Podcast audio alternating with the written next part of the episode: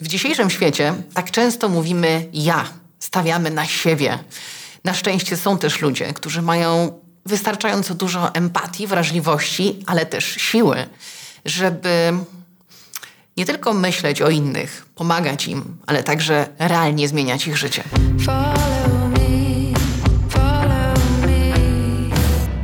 Warto jest pomagać. Dawać swoją uwagę, swój czas i pieniądze, jeśli możemy się nimi podzielić. Można wybrać, czy chcemy pomagać bezdomnym zwierzętom, czy chcemy angażować się w pomoc chorym dzieciom.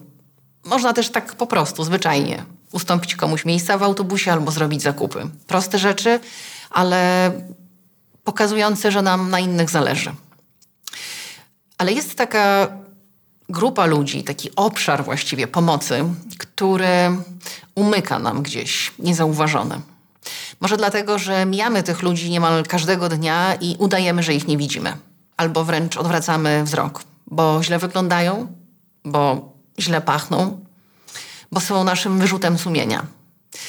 Mówię o ludziach bezdomnych, o tych, którzy sprawiają, że ja sama, kiedy wracam do czystego, pachnącego domu, myślę sobie, jak to jest?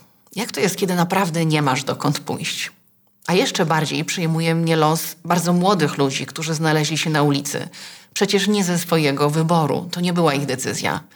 Często urodzili się w takich domach, że nie dostali wsparcia na początku swojego życia i naprawdę nie mają się gdzie podziać.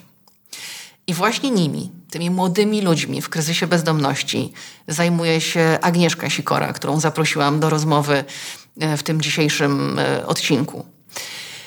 Agnieszka sama mówi, że bardzo łatwo jest skreślić człowieka.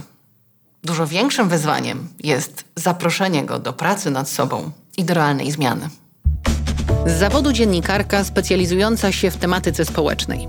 Najpierw pracowała w radiu, potem w telewizji. Na swoim koncie ma ponad 300 reportaży. To po pierwsze, bo po drugie, jej życie zdominowało pomaganie innym – po drugie, to też nazwa fundacji, którą założyła, żeby wspierać młodych ludzi w kryzysie bezdomności. Agnieszka Sikora. Twoim pierwszym gościem w historii, kiedy zaczęłaś pracę w radiu, był Marek Kotański. Gdyby nie on, to ja tej pierwszej radiowej audycji bym nie poprowadziła prawidłowo, bo byłam wtedy bardzo nieopierzona i on został jakby wytypowany na mojego gościa po to, żebym ja dała radę przez godzinę mówić do radia. E, I stąd się wziął Marek Kotański, Bo ale... Świetny, świetny mówca, prawda? Miał gadane po prostu. Fascynująca postać. Zresztą tylko y, powiedzmy, Marek Kotański, czyli można powiedzieć legendarny już y, człowiek, y, założyciel Monaru, który w sumie zajmował się od samego początku i ludźmi w kryzysie bezdomności i, i osobami z uzależnieniami. E, więc e, osoba, która e, wprowadziła cię w ten, w ten świat i uratowała, jak rozumiem, pierwszą audycję, ale nie tylko. Jakoś tak się z Kotańskim zaprzyjaźniliśmy, poznaliśmy, a mnie bardzo fascynowało to, co on robił, ale przede wszystkim dzięki niemu spotykałam się z bardzo różnymi ludźmi. Ludźmi, którzy byli, no można tak chyba powiedzieć, na samym dnie, którzy byli w różnych potwornych, kryzysowych sytuacjach. To byli ludzie i bezdomni, uzależnieni e, od narkotyków, samotne matki, które uciekały przed przemocą. To byli wreszcie ludzie e, z wirusem HIV, AIDS, jeszcze w takich czasach, kiedy my nie wiedzieliśmy, czym e, jest ta choroba. On mnie tam zabierał, musiałam tam pić kawę, tak? I nie ukrywam, że się wtedy bałam, po prostu no tak, nie miałam wiedzy. Nie było wiedzy, tak? Jak, jak rozprzestrzenia się ta choroba, więc rozumiem, że jako młoda y, dziewczyna, dziennikarka, miałaś prawo czuć się y, zaniepokojona. No tak, ale musiałam robić to, co robił Marek Kotański. Jeżeli siadałam z ludźmi do stołu, no to trudno byłoby, żebym nie napiła się z nimi e, tej kawy, czy, czy nie podała ręki. I już wtedy, ja miałam wtedy tam dwadzieścia parę lat, e, wydawało mi się, że to jest coś, co ja chcę robić. Znaczy blisko mi było do tego mhm. E, świata ale nie byłam gotowa. Myślałam, że moim zadaniem na życie jest pokazywanie tego e, świata, jest robienie reportaży, audycji, później e, też e, w telewizji, zajmowanie się szeroko rozumianą tematyką społeczną. Myślałam, że to jest moja misja, no ale jeszcze wtedy wszystkiego o sobie nie wiedziałam. I zajęłaś się tematami społecznymi. Radio, telewizja, przez jakiś czas, zresztą długi nawet, pracowałyśmy w jednej stacji telewizyjnej, gdzie realizowałaś reportaże, zawsze reportaże reportaże mm, ważne, potrzebne i zaangażowane społecznie. Jak wspominasz ten okres? Wspaniale. To wspaniały czas. Y, ja to zawsze bardzo lubiłam robić, ale wtedy moje podejście do tych spraw, którymi się zajmowałam, było takie, że jakby robię reportaż i tu się kończy moja rola. Emisja jest końcem spotkania z bohaterem. Y, bardzo starałam się pilnować tego, żeby nie nawiązywać takich bardziej, uśmiechasz się, bo pewnie też masz tutaj doświadczenia ze swoimi tak. bohaterami, a ja starałam się wtedy postawić granice, ale to było dla mnie za mało. To było dla mnie za mało, dlatego powstała Fundacja po drugie, bo ja jednak chciałam tym ludziom hmm. trochę bardziej towarzyszyć. Uśmiecham się, bo to jest tak, jak, y, jakbyś mówiła o mnie. Stąd też fundacja. fundacja Unałeza, więc y, przeszłyśmy taką samą drogę, choć ty znacznie wcześniej zaczęłaś z wysokiego C, bo od bardzo trudnych tematów, ale inspiracją do tego, żeby zająć się właśnie dzieciakami w kryzysie bezdomności, był też cykl odcinków dokumentalnych, które zrealizowałaś, e, Dziewczęta z Falenicy. Ja byłam zafascynowana zakładem poprawczym w Falenicy, nie jako miejscem, bo oczywiście jest, są to miejsca bardzo... Hmm, nie wiem, specyficzne, trudne, też bolesne, bo jednak zakład poprawczy to miejsce izolacji. I w tym zakładzie przebywały dziewczęta od 15 do 21 roku życia. No one wychodzą z tej placówki i tak naprawdę bardzo często nie mają dokąd. No i pomyślałam, a założę sobie fundację. Mój syn już wtedy miał chyba ze trzy latka, więc wydawało mi się, że już jest tak e, troszkę odchowany i mogę coś nowego e, spróbować zrobić. Poszłam też na studia z pedagogiki resocjalizacyjnej, żeby nie być takim totalnym laikiem. Ja naprawdę wtedy nie miałam świadomości, że problem e, młodych ludzi, którzy opuszczają placówki, takie jak zakłady poprawcze, ale również domy dziecka, innych młodych ludzi, którzy są na przykład w rodzinie zastępczej albo wychowują się w złej rodzinie, że ta grupa doświadcza bezdomności. To, to jest coś, o czym w Polsce bardzo mało y, się mówi, praktycznie wcale się nie mówi tak naprawdę. A ja mówię o ludziach, którzy mają 18, 19, 20 lat i nie mają domu, nie mają łóżka a prysznic mogą wziąć, nie wiem, w łaźni, a przespać się w noclegowni, bo taki jest system. Ludzie y, chcieliby mm, pomagać w jakichś takich bardziej spektakularnych y, tematach, tak? Było dziecko chore, jest dziecko zdrowe, jest sukces, można się nim pochwalić, sfotografować się, tak? I pokazać, że to jest y, taki piękny czyn. Natomiast w przypadku y, ludzi dotkniętych kryzysem bezdomności, czy to dorosłych, czy, czy młodzieży, oczywiście młodzież przejmuje mnie dużo bardziej, bo to jest po prostu niewyobrażalne, że w XXI wieku w cywilizowanym kraju mhm. mamy takie przypadki, ale to jest coś, co jest szalenie, użyję tego słowa, niewdzięcznym tematem. Trochę to się zaczęło zmieniać, bo myślę, że my też e, no, staramy się informować i e, też dzięki takim wizytom jak ta u ciebie, e, jednak e, coraz więcej osób się e, dowiaduje o, o, tych problemach i coraz więcej ludzi słyszy, że to nie jest tak, że ta młodzież, z którą my pracujemy, ta młodzież doświadczająca bezdomności, jest sama sobie winna. To my jesteśmy winni, my jesteśmy winni, my dorośli jesteśmy temu winni. My, nie słysząc tego, co się dzieje u sąsiada za ścianą, jesteśmy winni. My, nie reagując na przemoc, szkoła nie reagując na to, że dziecko przychodzi do niej głodne, że jest zaniedbane, bo woli nie widzieć niż angażować się w jakieś tam zespoły interdyscyplinarne, zakładać niebieskie karty itd., tak itd. Tak Bezdomność generalnie kojarzy się z dorosłym facetem, tak, z brodą, y, który śmierdzi wódą i grzebie w śmietniku. To tak nie jest. Ci ludzie. I jeszcze sam jest sobie winny, bo gdyby się wziął do roboty, to byłoby zupełnie inaczej. Takie jest przekonanie. Tak jest przekonanie, ale ten facet, który grzebie w śmietniku, ma brodę i śmierdzi wódą, kiedyś był tym dzieckiem. Bardzo możliwe. Tym, którego nie, nie zauważyliśmy, którego nie usłyszeliśmy. Bezdomność jest w ogóle. Mm, jednym chyba z najbardziej dramatycznych doświadczeń, jakiego może y, do, doświadczyć, jedną z najbardziej dramatycznych rzeczy, jakiej może doświadczyć człowiek. Brak dachu nad głową, podstawowej rzeczy w ogóle w życiu człowieka, tak? Mieć dach nad głową. Tak, jak ruszyć z miejsca, jak pójść do pracy, y, jak y, uregulować jakieś swoje sprawy, kiedy codziennie muszę myśleć o tym, gdzie ja się prześpię, gdzie ja się umyję i co ja zjem trzy lata w bezdomności spędzone powodują, że człowiek zaczyna przyjmować tożsamość osoby bezdomnej. Czyli ja się zaczynam godzić z tym, że właśnie jestem taki, że tak wygląda moje życie. E, bardzo trudno jest to zmienić, dlatego tak ważne jest to, żebyśmy my, tych młodych ludzi, to co robi Fundacja po drugie, wyłapywali na samym początku, żeby oni nie doświadczyli tych trzech lat w bezdomności, tylko żeby trafili do naszego mieszkania treningowego. Mam nadzieję, że wkrótce stworzymy też taki dom, hostel, e, w którym będziemy mieć e, wsparcie i, i pomoc dla tej e, młodzieży, żeby ona nie uczyła się, jak być bezdomna.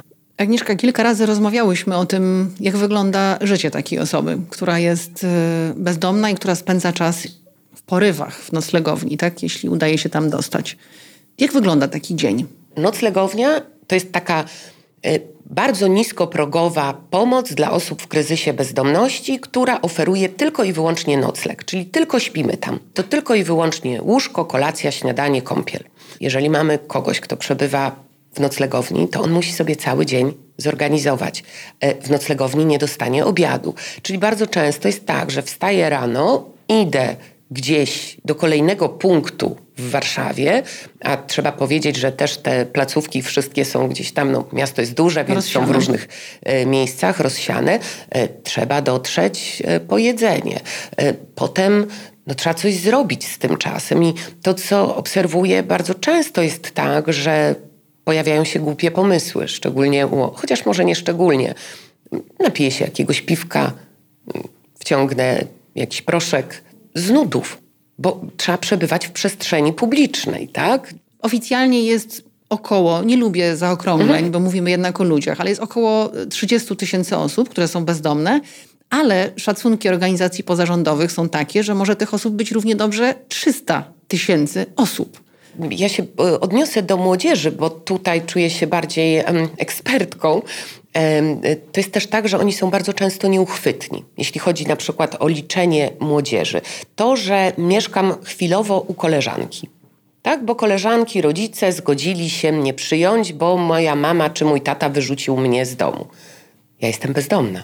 E, młodzież bardzo podróżuje, oni są mobilni, e, mają różne pomysły na tymczasowe e, rozwiązania. Czasem są to jakieś skłoty, o których położeniu my nawet nie wiemy. Oni są czasem na jakiejś klatce schodowej, czasem spędzają całą noc w autobusie.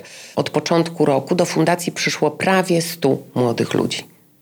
Prawie 100 tych, którzy dotarli, tych, którzy zaczęli szukać pomocy. To jest bardzo, bardzo dużo. Szczególnie trudna sytuacja jest e, w czasie pandemii. Hasło zostań w domu a przecież takie hasło było promowane, żeby zapewnić bezpieczeństwo sobie i innym, jest e, absurdalne w stosunku do ludzi, którzy tego domu nie mają. Pamiętam ten moment, kiedy tak patrzyliśmy na te hasła zostań w domu, zostań w domu, a gdzie oni mają zostać, jak oni tego domu nie mają? My wtedy wymyśliliśmy takie hasło zostań w domu, nie mam domu, po to, żeby no, zwrócić uwagę na problem. Pandemia też przyniosła paradoksalnie pewne korzyści, a mianowicie wielu młodych ludzi, którzy wcześniej niekoniecznie dobrze funkcjonowali, ale radzili sobie z tą swoją bezdomnością.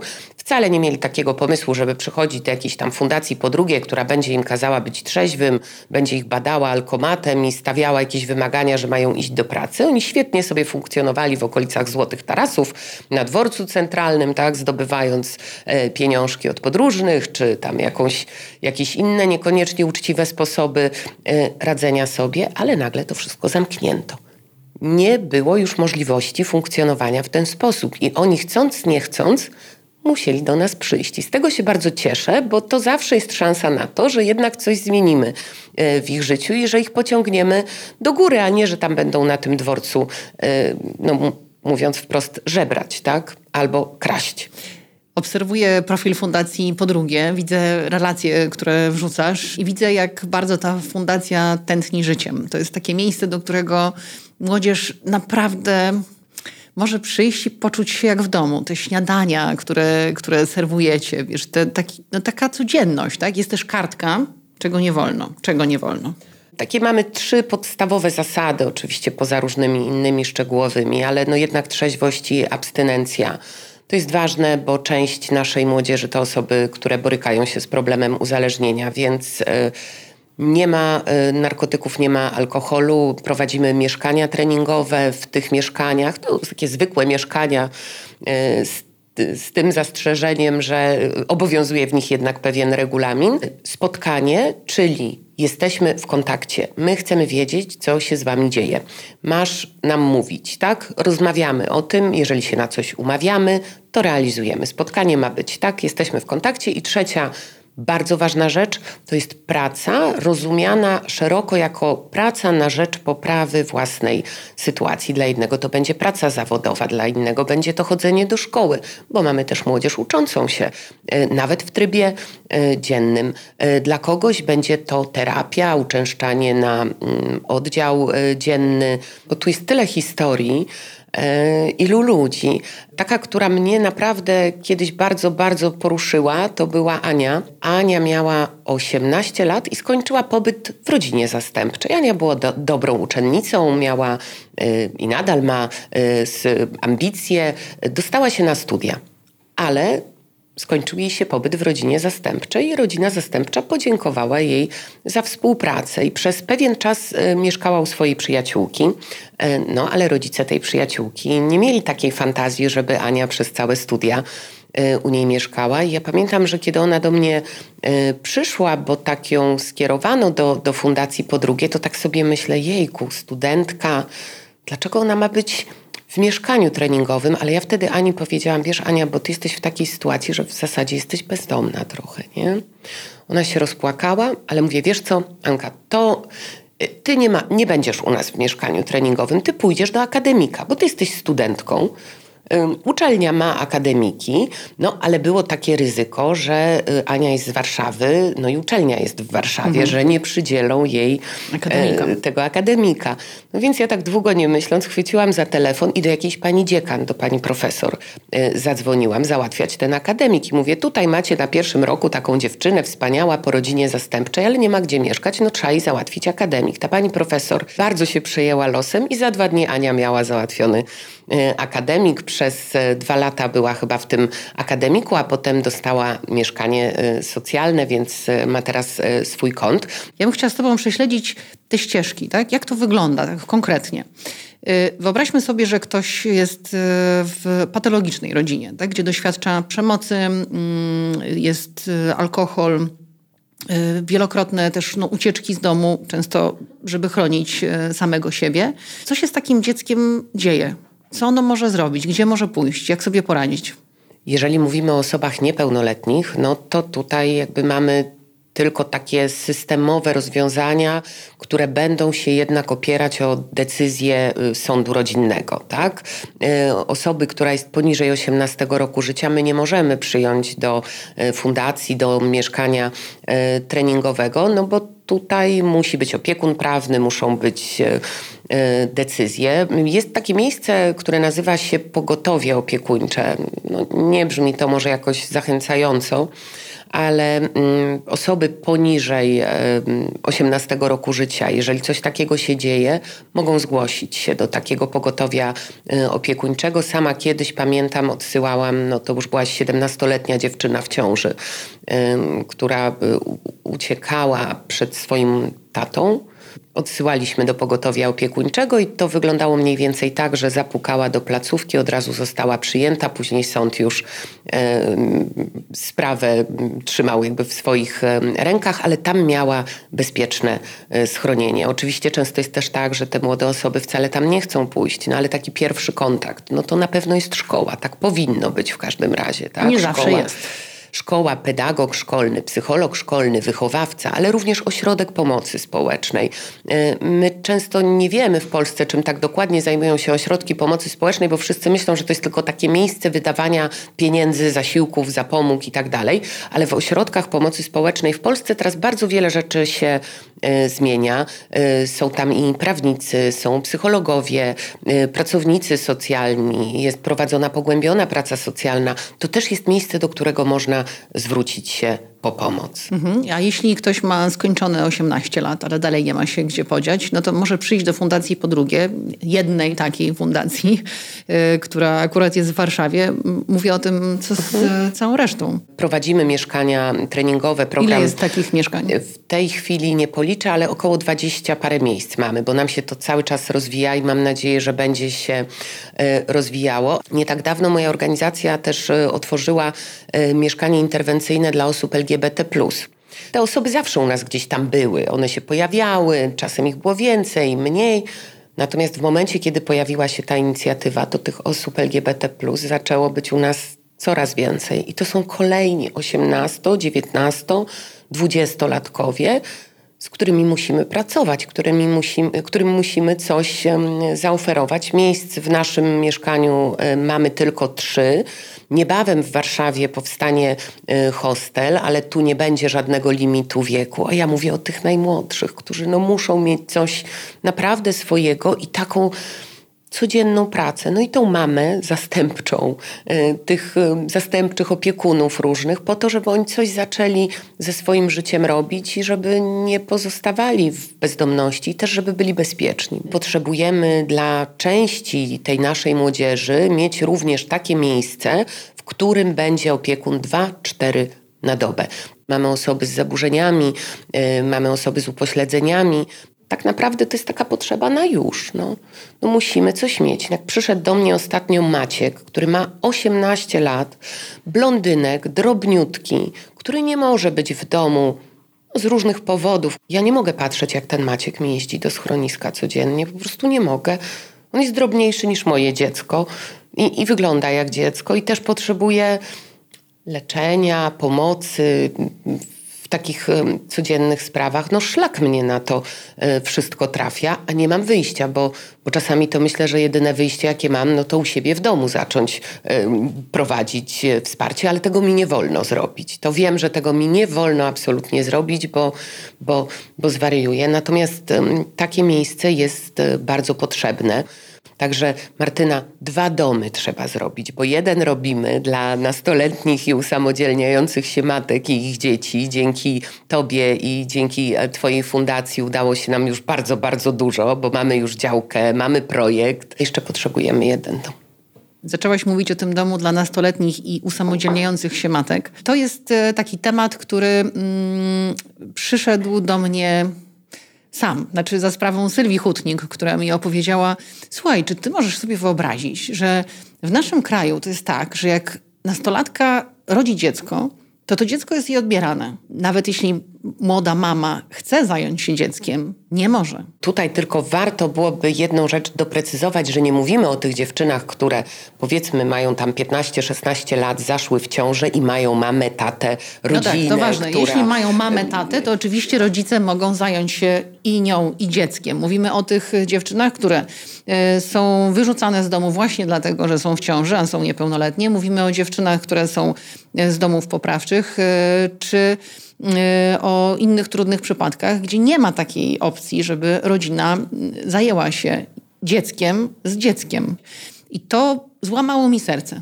To spowodowało, nie wiem czy pamiętasz, że wzięłam za telefon i zadzwoniłam do ciebie i powiedziałam: Proszę pani, dzień dobry, ja się nazywam Martyna, ja się nie zgadzam na to, co można z tym zrobić. Zbudowanie tego domu i to, żeby on powstał, to jest w tej chwili najbardziej paląca sprawa, moim zdaniem.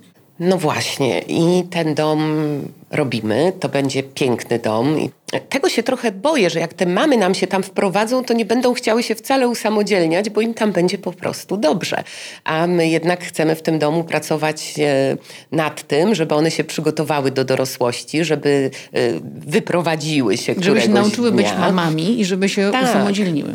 Tak, tak. Niestety, ale nasze opinie niejednokrotnie na temat y, dziewczyn, które zachodzą w niechcianą ciążę w bardzo młodym wieku są druzgocące. I one do, ta, doświadczają takiego ostracyzmu społecznego już na samym początku. A dodajmy, że przecież nie ma solidnej edukacji seksualnej w tym kraju. Często te dziewczyny nie wiedzą, co się dzieje z ich ciałami nie rozumieją nawet y, do końca, dlaczego zaszły w ciążę, albo zachodzą w ciążę, bo tak dramatycznie pragną miłości.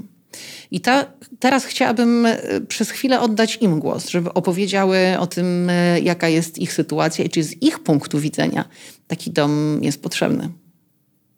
Właśnie młode ciąże są spowodowane tym, że gdzieś tam w domu zabrakło tej miłości.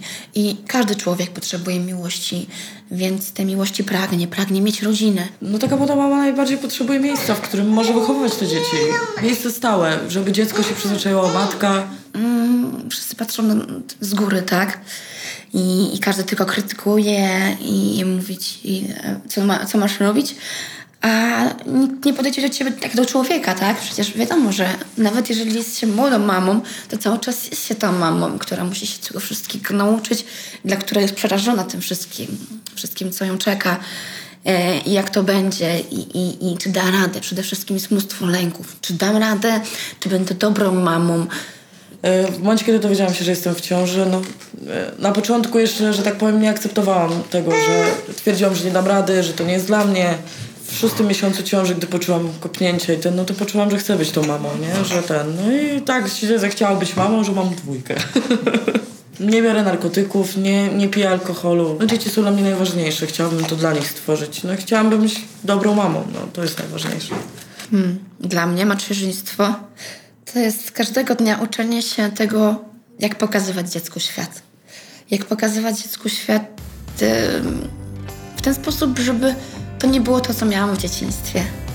Wyobrażam sobie, Agnieszka, że jak e, w Twoim życiu jest tak bardzo źle i nie doświadczyłaś miłości, nie doświadczyłaś czułości, to wydaje Ci się, że stworzysz sobie tę rodzinę swoją własną. One bardzo chcą kochać, bardzo wierzą w to, że ja będę miała syna, córkę i że ja w końcu będę miała tego kogoś tylko dla mnie i że to będzie takie stałe i naprawdę, a potem okazuje się, że to jest dla nich za trudne.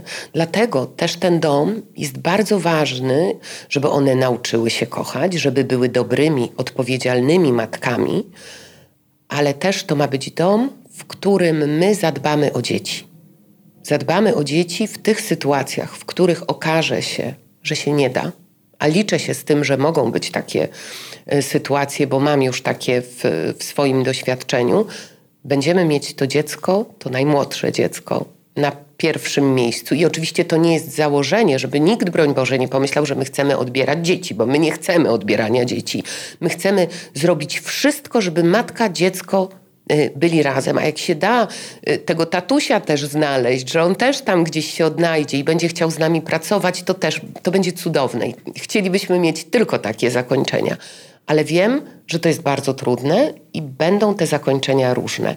Agnieszka Sikora i Fundacja tak. Drugie y, zajmuje się właśnie tymi trudnymi przypadkami. Tak. Aga, powiedzmy tak. szczerze, tak. tak. bardzo, bardzo trudnymi, niejednokrotnie. Przypadkami, które są może nieskazane na niepowodzenie, bo jednak walczysz o każdego dzieciaka do końca, bo wiem i znam cię, ale ten poziom twojej frustracji jest wysoki, ma prawo być wysoki, bo bo to jest orka na ugorze. Mi jest po prostu smutno czasami. Smutno mi jest, kiedy się nie uda człowieka uratować i kiedy tak dużo wysiłków, a my naprawdę bardzo dużo wysiłków wkładamy e, w każdego, to nie wypala. Ale ja też wierzę w to, że to, że oni u nas byli, nawet jak się nie udało, to oni czegoś dobrego doświadczyli. To dobro w nich jest i ona może to wspomnienie, to doświadczenie, które wynieśli z fundacji, może któregoś dnia zaprocentuje, może to będzie właśnie to ziarenko, y, które było y, potrzebne do zmiany. Czasem ta zmiana może nastąpić y, później, natomiast żeby nie było aż tak frustrująco, smutno i tylko takie czarnowictwo, naprawdę mamy młodzież, która fantastycznie potrafi korzystać z pomocy, która potrafi robić rzeczy trudne. Ja to na nich mówię, to tak zakotańskim, że to są mistrzowie świata, bo oni naprawdę wychodzą y, i, i trafiają do nas z takimi problemami, że ciężko w ogóle sobie pomieścić w głowie, jak z tym żyć. ja, ja nie wiem, czy ja bym potrafiła z tym żyć. Ja miałam wspaniałe dzieciństwo, mam kochających rodziców i zawsze miałam pełen ciepła i miłości e, dom. A oni przychodzą z tak ogromnym bagażem i kiedy mają Opowiedz. przemoc, y, zaniedbania, y, brak tego y, ciepła, ale też takie brak bazowych często rzeczy, bo lodówka była pusta, tak? Bo szłam do szkoły i wszyscy mieli nowe, a ja ciągle miałam stare albo nie miałam. A która historia jest taką, która utkwiła ci w pamięci i w sercu najbardziej? Często mam takie pytania. Wiem, ja też je mam. Nie umiem tak powiedzieć. Ja też tak Umiesz? nie umiem, dlatego że mam takie poczucie, kiedy ktoś mnie pyta, która z bohaterek programu Kobieta na krańcu świata była dla mnie najważniejsza, to mówię, że to jest tak jakby próbować wytłumaczyć, które dziecko kochasz najbardziej. No, mam też z tym problem, więc y, posłuszmy się taką historią, która dla ciebie jest przykładem największego sukcesu. Hmm. A to też na to pytanie nie odpowiem, bo y, młodzież na pewno będzie oglądała ten wywiad i zaraz będą oburzeni, a dlaczego nie ja, a przecież ja też to zrobiłem, a mi się też udało. Widzę te sukcesy, widzę y, chłopaków naszych, którzy podjęli y, pracę ostatnio. Y, widzę nasze dziewczyny, które wyprowadziły się do swoich mieszkań i dzięki naprawdę, że ktoś nad nami czuwa, mają fajnych facetów, fajnych partnerów, bo to jest też taki ogromny problem, z którym się często te nasze dziewczyny borykają, że, że, że ten chłopak niekoniecznie taki odpowiedni No tak, ciągnie w dół. ogromną skłonność do wikłania się w ogóle w trudne relacje, w ogóle w jakiekolwiek relacje, ale y, znów, no, próbuję sobie wyobrazić, bo ja też miałam y, wspaniałe dzieciństwo, że jeśli jesteś niekochana przez całe życie, to tak bardzo chcesz być kochana, że idziesz na ogromne kompromisy, tak? że wpadasz w jakieś beznadziejne związki, byle, byle były, byle był ktoś, kto na ciebie zwróci uwagę, kto powie ci jedno miłe zdanie, kto cię pokocha. Ja to też rozumiem, nie, nie, nie próbuję y, tego oceniać, choć wiele osób to robi, że właśnie no, sama sobie winna, tak? Zupełnie inaczej o tym myślę. Ja mam taką tablicę y, korkową y, za swoim biurkiem. Y, Tablica ma swoją piękną, moim zdaniem, historię i na niej jest bardzo dużo takich malutkich fotografii, takich jak do dowodu się y, robi naszej młodzieży i tam przybywa mi cały czas tych zdjęć, a historia tablicy jest taka, że któregoś razu wróciłam, przyszło, przychodzę do biura, patrzę, wisi tam zdjęcie jednej z naszych e, podopiecznych. Sama je tam e, przyczepiła. I druga zauważyła, że wisi zdjęcie e, koleżanki. Przychodzi do mnie następnego dnia i kładzie mi na biurku swoją taką fotografię, jak do dowodu się robi. I mówi, proszę. Ja mówię, co ty ode mnie chcesz? Co jakiś dowód będziemy wyrabiać? W ogóle jakoś nie, nie pokojarzyłam. Nie no, weź. Ja mówię, o co jej chodzi? I tak tu pokazuje to zdjęcie i potem mówi, no bo to jest tak, że y, na przykład niektórzy takie ważne zdjęcia noszą w swoim portfelu. I sugestia była taka, żeby ona również e, zawisła na, na tej tablicy. Teraz tych zdjęć jest e, dużo, dużo więcej, ale do czego zmierzam? Do tej właśnie potrzeby miłości, przynależności, tego, że ja jestem dla kogoś ważny, że dla pani Agnieszki jestem ważny, tak? Y, Ja robię pewne gesty, to nawet gest nie jest dobrym słowem, ale robię takie różne rzeczy, które pokazują, że oni są dla mnie ważni i myślę, że nasza młodzież y, w to wierzy i że to bardzo pomaga. Ja co roku w Wigilię jadę do fundacji i to nie jest Wigilia o godzinie 11 tylko ja tam jadę po mojej domowej wigilii rodzinnej. E, O godzinie 18.30, 19.00 siadam z młodzieżą w wigilię do stołu. E, W Wielkanoc, po moim śniadaniu wielkanocnym, jadę do mojej młodzieży. Często bardzo nie chcą spędzać e, tych świąt w taki sposób, bo im się święta kojarzą z czymś najgorszym na świecie. Bo dla nich święta to były kanapki i butelka wódki. To nie była mama, która smaży karpia, tak? I ma swoje specjalne y, przepisy na to, jak zrobić rybę po grecku, czy takie, czy inne y, śledzie. Agnieszka, ty jesteś zaangażowana w to, ja mam wrażenie, czasem 24 godziny na dobę. Ty masz zawsze włączony telefon, do ciebie się właściwie zawsze można dodzwonić i, i liczba interwencji. Yy, Pani Agnieszko, stało się to, no jakby obiecałem, nie dotrzymałem słowa. Yy, chcą się też czasem podzielić na szczęście dobrymi rzeczami. To jest praca 24 na dobę. trochę muszę zwolnić, muszę się uczyć e, tego odcinania. No, telefonu to chyba nie wyłączę, ale to mi jeszcze z dziennikarza newsowego zostało troszkę, że, e, że, że, że trzeba mieć włączony e, telefon. Uczę się i to mój zespół też bardzo im za to dziękuję. O to dba, że jak jadę na wakacje i chcę zadzwonić do pracy i zapytać się, co słychać, nic ci nie powiem. Nic ci nie powiem, jesteś na wakacjach, a ja się denerwuję, bo muszę wiedzieć, co słychać. E, I może dlatego ta młodzież cię tak kocha i tak, tak do ciebie ciągną. Tak a... kocha i nienawidzi, bo to też... A ja wiem, że ty nie jesteś miłą kicią, delikatnie mówiąc, i że potrafisz być bardzo surowa i wymagająca. Nie da się inaczej. Tak sam Marek Kotański mówił, że czasem jest taki moment, kiedy najlepsza rzecz, którą rodzic może zrobić dla swojego dziecka, to zamknąć mu drzwi przed nosem. To ten moment, kiedy, kiedy ćpa i kiedy, kiedy upada na dno, to nie jest czasem ten moment, żeby wyciągnąć po raz kolejny rękę, tylko zmusić to dziecko do poniesienia konsekwencji. To musi być dla rodzica piekielnie ciężkie, ale czasem tak trzeba. Czasem tak trzeba, czasem tak robię, zawsze mi jest wtedy przykro, ale też zauważyłam, że im większe mam y, doświadczenie, nie chcę powiedzieć, że tym łatwiej mi to przychodzi, ale tym lepiej to rozumiem. I tym bardziej wiem, że czasami zamknięcie drzwi jest jedynym rozwiązaniem, które może być pomocne. Ty musisz czasem zobaczyć, że jesteś na samym dnie, musisz upaść po to, żeby się e, później od tego dna odbijać, ale to jest bardzo trudne, naprawdę. Natomiast czuję też w sobie coraz większą dojrzałość do, mm, do takich decyzji, że że ja już teraz wiem i nie mam takiego wahania, bo jeszcze tak trzy lata temu to wyrzucić kogoś to mi było bardzo ciężko. Bardzo ciężko. Twój syn, Ryszard, lat 15, radzi sobie z tą twoją pracą, która jest twoją pasją, jakkolwiek dziwnie to brzmi, ale pomaganie ludziom jest twoją pasją i jak sama powiedziałaś, nie potrafisz rozgraniczyć tych dwóch światów, więc y, jak się funkcjonuje takiemu młodemu, dorastającemu człowiekowi w takim y, środowisku i w tej przestrzeni? Mój syn rzadko do mnie do pracy e, jeździ, więc tutaj jest e, jakby odcięty.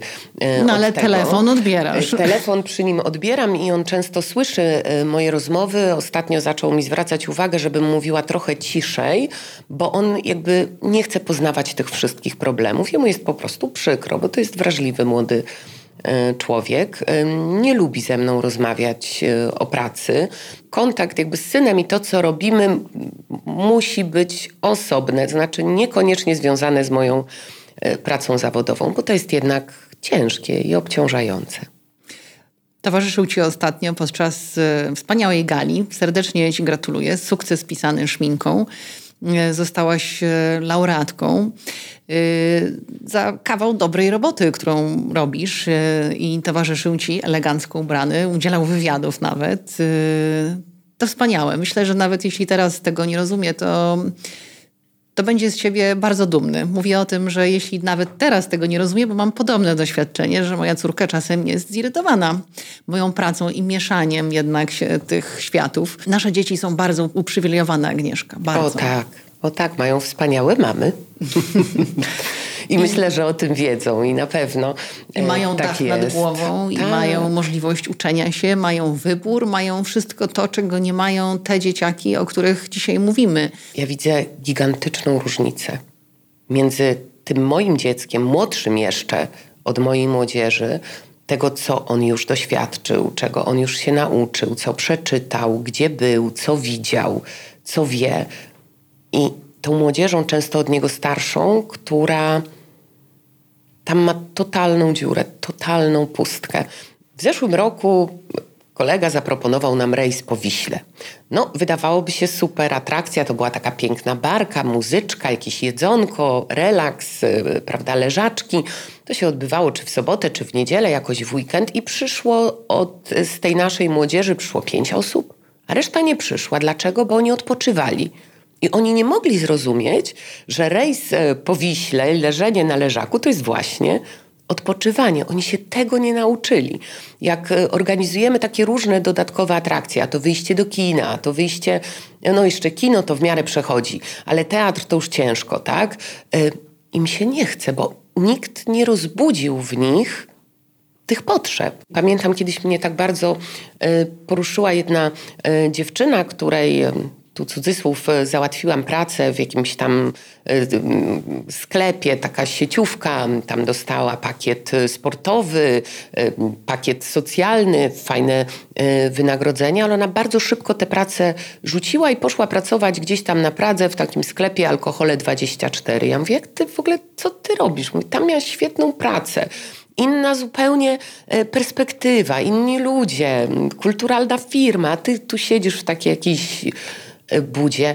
I ona mi powiedziała, proszę pani, ale ja nie miałam o czym z tymi ludźmi rozmawiać. Co ja miałam im powiedzieć? Że co, że ja byłam w Poprawczaku i to był jedyny raz, kiedy tam byłam, że pojechałam nad morze, a moja matka siedziała całe życie w więzieniu.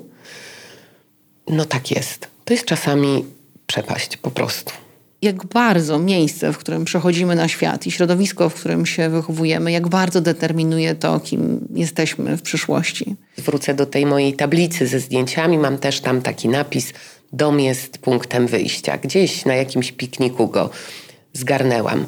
Tak jest, od tego się nie da odciąć, nie da się zupełnie tego zamazać, ale myślę, że człowiekowi można dać nowe doświadczenia. Można nauczyć go nowych rzeczy, pokazać mu, że jest wspaniały, że jest wyjątkowy, że jednak coś potrafi, że to nie jest tak, że y, jak tobie mówili, że z ciebie nic nie wyrośnie, że to tak musi być. W naszym logotypie, podobnie jak w twoim, dużo mamy wspólnego, jest skrzydło. Staramy się tak piórko po piórku doprawiać, żeby chociaż tak jedno najpierw skrzydło się pojawiło, a może potem y, drugie. Dawać Coś nowego, coś dobrego, prawdziwego, bezpiecznego i w miarę możliwości stałego. Chciałabym nawiązać do zdania, y, od którego w sumie zaczęłam to nasze spotkanie, zapowiadając Twoją wizytę. Łatwo jest skreślić człowieka. Wyzwaniem jest zaproszenie go do ciężkiej pracy nad zmianą.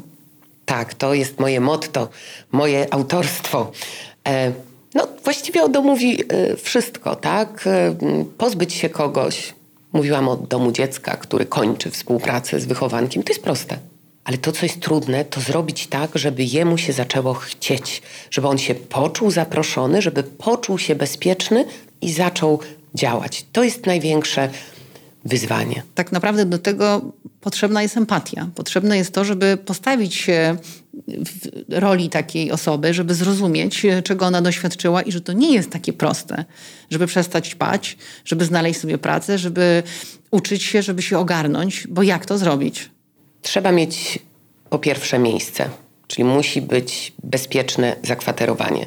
Po drugie, trzeba mieć coś, coś do jedzenia, coś do ubrania, mydło, ręcznik, sprawy podstawowe. To jest ten początek i dopiero kiedy taka osoba jest, poczuje się bezpiecznie, można zacząć pracować nad kolejnymi y, etapami. W fundacji jest pomoc psychologiczna, pomoc prawna, doradztwo zawodowe. Bardzo stawiamy na to, żeby oni się aktywizowali, żeby szli do pracy, uczyli się y, zarabiać pieniądze, ale zawsze musimy zacząć od tego podstawowego elementu, czyli bezpiecznego miejsca. Ale osoby, które sięgają czy to po alkohol, czy po narkotyki, sięgają po te używki mm, nie dlatego często, że tak lubią, tylko dlatego, że nie potrafią inaczej rozładować emocji. Że nie zostały nauczone tego, żeby te emocje rozładowywać, więc y, we mnie to wzbudza współczucie wzbudza taką właśnie głęboką potrzebę mimo wszystko wyciągnięcia ręki do tej, do tej drugiej osoby, za co Ci bardzo dziękuję, bo to, co robisz, uczy empatii nas wszystkich i, i wrażliwości, uważności. Czasem wystarczy się uśmiechnąć, zauważyć kogoś i dostrzec jego problemy. Myślę, że to jest jakiś dobry początek. Mhm. Bardzo Ci dziękuję, Agnieszka, za to spotkanie. Dziękuję Wam. Dzisiaj może nie było e, lekko, miło i przyjemnie, ale wierzę, że rozmawiałyśmy o bardzo ważnych i potrzebnych tematach. Jeszcze tylko jedno pytanie, takie na koniec. Co dla ciebie znaczy dalej? Dalej? To jest coś, co mnie chyba trochę przeraża, bo jak ja już trzymając się fundacji po drugie, weszłam do tego pociągu, który najpierw jechał bardzo, bardzo pomału, a potem zaczął się rozpędzać, a teraz to on już naprawdę pędzi, to ja się boję tego, co będzie dalej. Ale mam nadzieję, że coś dobrego. Bardzo dziękuję też za zaproszenie. Nie wątpię, że będzie coś dobrego. E, ja Wam bardzo dziękuję za to spotkanie i zapraszam do kolejnych rozmów na kanale dalej.